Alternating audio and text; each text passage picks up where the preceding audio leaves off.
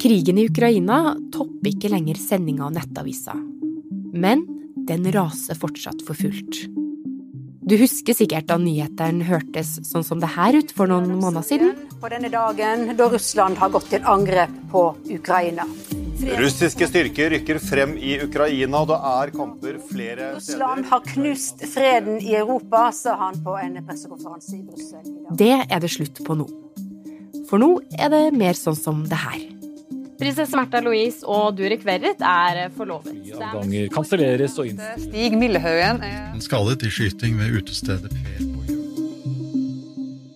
Og det er akkurat det Putin vil. Men hvordan går det egentlig i Ukraina nå? I dag er det 1. juli. Jeg er Marit Eriksdatter Gjelland, og du hører på Forklart.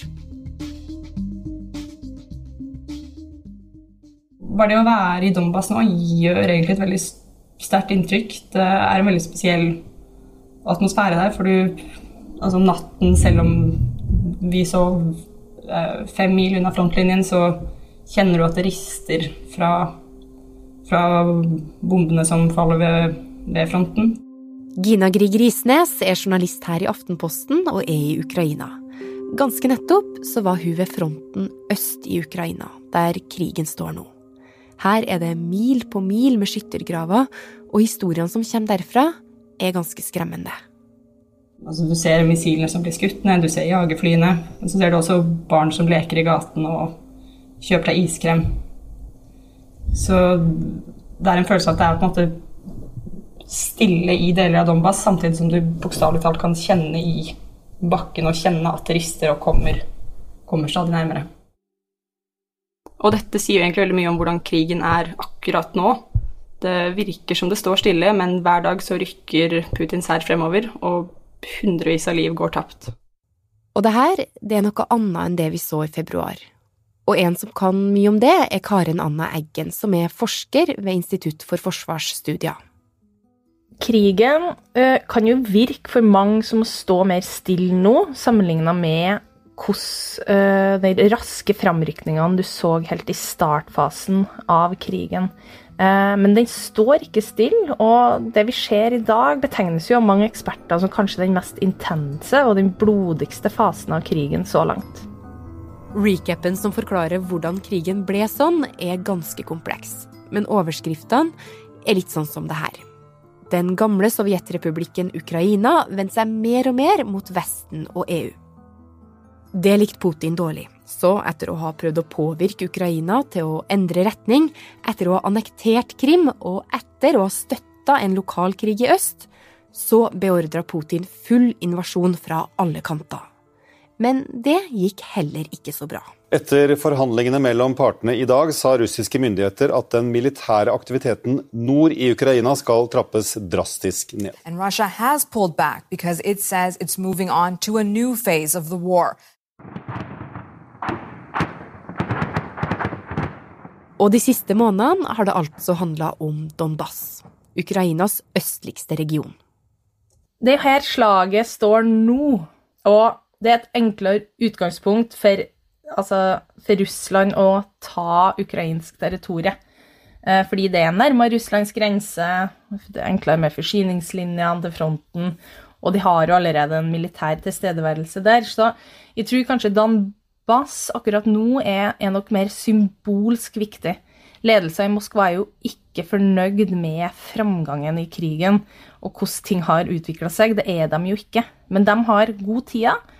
De tenker langsiktig. Dette er symbolsk. Det er viktig for ledelsen nå å sikre en seier, i hvert fall i, i Donbass. Men Putin vil jo helst ha kontroll over hele Ukraina.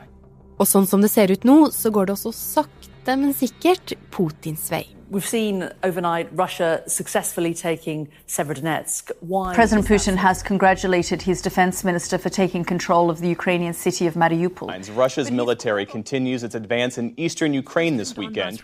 Russian forces are taking control, one town at a time. Landsby etter landsby har falt, nesten uten at vi har lagt merke til det. Og Russland kontrollerer nå 20 av landet.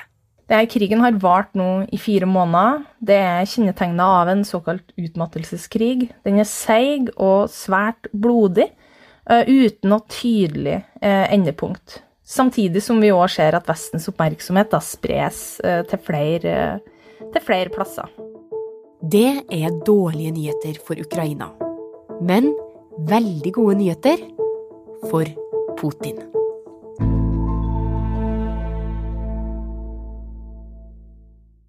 Gina, hvordan er det å være i Donbass nå? Altså, fra Norge så kan krigen i Ukraina virke som den er veldig langt vekk. Men altså, det som skjer her nå, kommer til å avgjøre verdensorden i lang tid fremover. Og det er vanskelig å se for seg at det er noe så stort det dreier seg om, fordi mesteparten av kampene pågår jo i en relativt liten østlig del av Ukraina, da, sett, sett, fra Norge. Men det som skjer i Donbass nå, det er svært blodig, svært brutalt. Eh, da vi var ved fronten, snakket vi med soldater som forteller at de mister folk hver eneste dag. Veldig godt mot. De sa at de mangler våpen til å kjempe tilbake. De sa at de bokstavelig talt slåss med maskingevær mot stridsvogner og jagerfly. Eh, så de prøver å holde russerne tilbake nå, men det, men det begynner å slite på dem.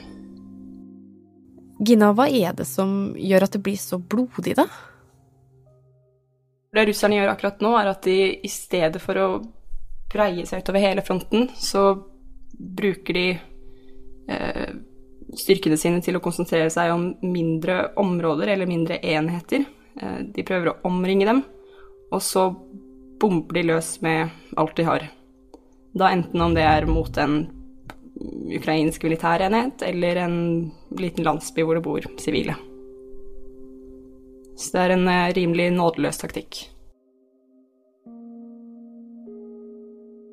Det vi ser nå, er jo rett og slett en utmattelseskrig.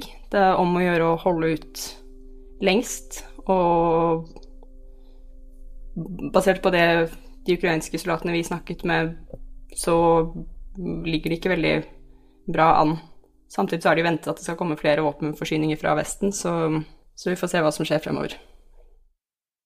Karin Anna Eggen, det her har også blitt en utmattelseskrig, men hva betyr det egentlig? enkelt forklart at du søker å få motstanderen til å gå tom for personell og ressurser. Um, og de rykker jo stadig framover, og Ukraina påfører store tap, som jo tærer på. Um, og da er jo i en sånn utmattelseskrig er jo spørsmålet hvem er det som klarer å holde ut lengst økonomisk, logistikkmessig og politisk? Hvorfor slutter de ikke bare? Altså, hvorfor er det ikke bare en av dem som gir opp? Det er et veldig godt spørsmål. Um, men det er jo litt som en sier, og ukrainerne sier sjøl, at hvis vi slutter å kjempe nå, så finnes det på en måte ikke Ukraina lenger. Um, de kjemper jo for sin uavhengighet og retten til territoriell suverenitet, og for å kunne bestemme hvordan de innenriks- og utenrikspolitikk de ønsker å føre.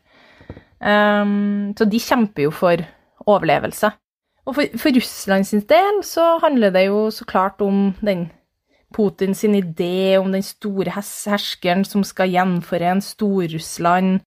Uh, og så handler det jo om å ikke miste ansikt. Uh, så har jo den fra, ja, fra russisk side kan jo se at de, de, kan på en måte ikke legge ned, eh, legge ned våpnene, fordi det òg har blitt et eksistensielt spørsmål. Ok, så her er det ingen som vil gi opp. Men eh, hvem er det som ligger best an? Russland har eh, per i dag overtaket i Donbass. Det vil si at de rykker eh, sakte, men sikkert framover.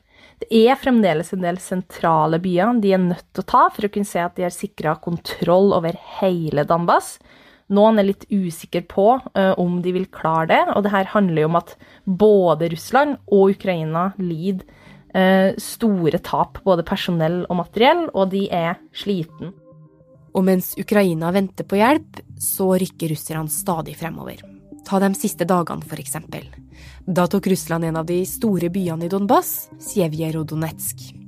De skjøt missiler som traff ei boligblokk i Kyiv, og et kjøpesenter litt lenger sør. Noe de selv hevder ikke er sant. Men det kjøpesenteret er jo helt, helt nedbombet. Det røk fortsatt fra vrakrestene, og brannvesen og politi lette etter overlevende i, i restene. Eh, myndighetene sier at det var over 1000 mennesker inne på kjøpesenteret. Eh, men det virker som de aller fleste kom seg ut. Det er så langt bekreftet 20 drept, men 20 er fremdeles savnet.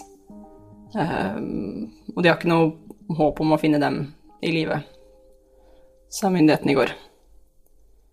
Og da vi snakket med brannvesenet der, så sa de at de heller ikke har noe særlig håp om å finne flere hele lik. Da vi var der på mandag, så så vi på en måte resten av et av de få hele likene de fant, men altså, dette er jo kropper som er helt brent til pinneved, og det de kommer til å finne nå, er mest sannsynlig bare kroppsdeler. Det at 1000 mennesker var inne i et kjøpesenter som ble bomba, kan ha gått deg hus forbi. For her i Norge så har vi vært opptatt av et mulig terrorangrep, flykaos og renteoppgang. Og det her, det at vi mister oppmerksomheten til krigen, det er en fare for Ukraina. Og akkurat det Putin håper på. Eh, det som er bra for Putin da, med at det er vanskeligere å henge med jo, på krigen, er jo uh, nettopp det at det kan være med å redusere på sikt støtten til uh, Ukraina. Eh, et godt eksempel her er jo nettopp uh, noen sånn uante konsekvenser av krigen. ikke sant? At du, du får uh, de høyere olje- og gasspriser, du får høyere matvarepriser, altså de her økonomiske effektene av krigføringa, gjør at folk kanskje på sikt enklere vil si at lettere være tilbøyelig til å støtte argument om at ja, men krigen må avsluttes, Ukraina må til forhandlingsbordet med Russland. Så, så den krigstrøttheten kan absolutt på sikt spille inn i Putins favør. I hans favør på den måten at vi slutter å støtte landet med våpen og utstyr, eller at vi i Vesten tvinger fram fredsforhandlinger som kan gi Russland en bit av Ukraina. Og uansett er det ingen garanti for at Putin stopper krigen. Min lesning av, av Russland er at de overordna, de strategiske målene, Eh, altså, ikke sant, at du skal sikre kontroll over Ukraina, avsette Zelenskyj og skubbe Nato vekk. Eh, I Europa, da, og vekk fra russiske grenser. Altså, de overordna målsettingene til Putin, de består. Han tenker langsiktig. Eh, han tenker òg at kanskje Vesten, hvis det her drar ut i tid, eh, vil gå lei, at du vil få interne splittelser som følge av ulike eh, Ikke sant, at du får de her uh, konsekvensene av krigen, som jo er både høyere olje- og gasspriser, høyere matvarepriser osv. Men kommer Vesten til å gå lei av krigen? Denne uka så fikk vi kanskje en liten pekepinn, for Nato-landene har møttes. So, and um, Og Nato har fortsatt Ukraina høyt på dagsordenen. Flere, bl.a. Norge, sender også noe mer våpen. Ukraine kan count on oss for as long as it takes. Så med det, kan egentlig Putin lykkes i sin plan? Vestlige ledere, Nato, EU, eh, e har vist en helt unik og overraskende evne egentlig til å stå samla mot, uh, mot, Russland og mot uh, russisk krigføring i Ukraina. Fordi om Ukraina forsvinner litt mer i mediebildet, så betyr jo ikke det at politikken og støtten Uh, som jo tar lengre tid å både skape og iverksette, at den blir mindre.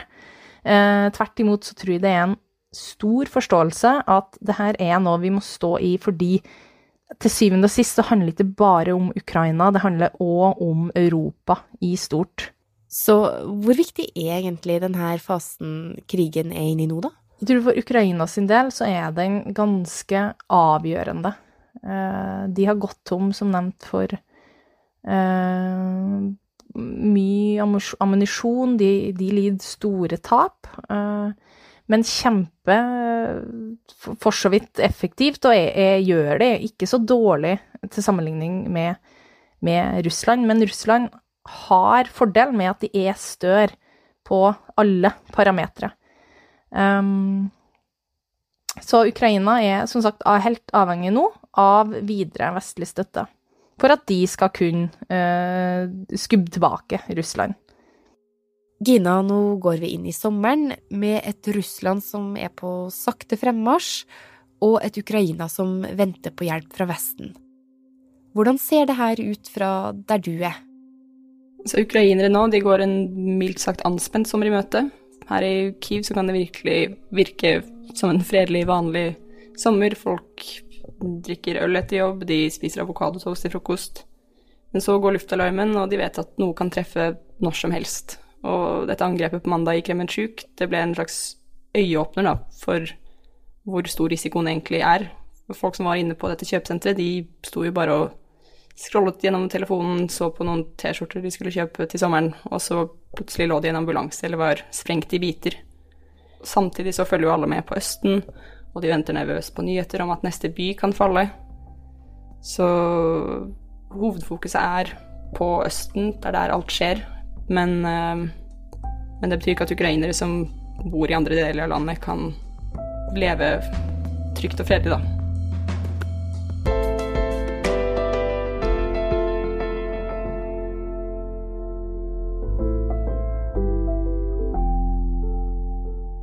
Du hørte forsker Karen Anna Eggen og Aftenpostens journalist Gina Grieg Risnes. Lyden var fra nyhetsbyrået AP, Sky News, BBC, PBS News, Deutsche Welle, NRK og VGTV. Denne episoden var laga av produsent Jenny Føland og David Vekoni, og som er Marit Eriksdatter Gjelland. Resten av Forklart er Fride Næss Nonstad, Anne Lindholm, Synne Søhol og Anders Sveberg.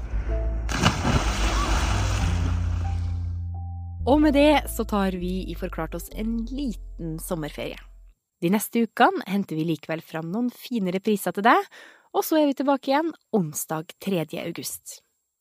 Så får du bare kose deg masse i sommer med is og bading og alt av godt som er om sommeren.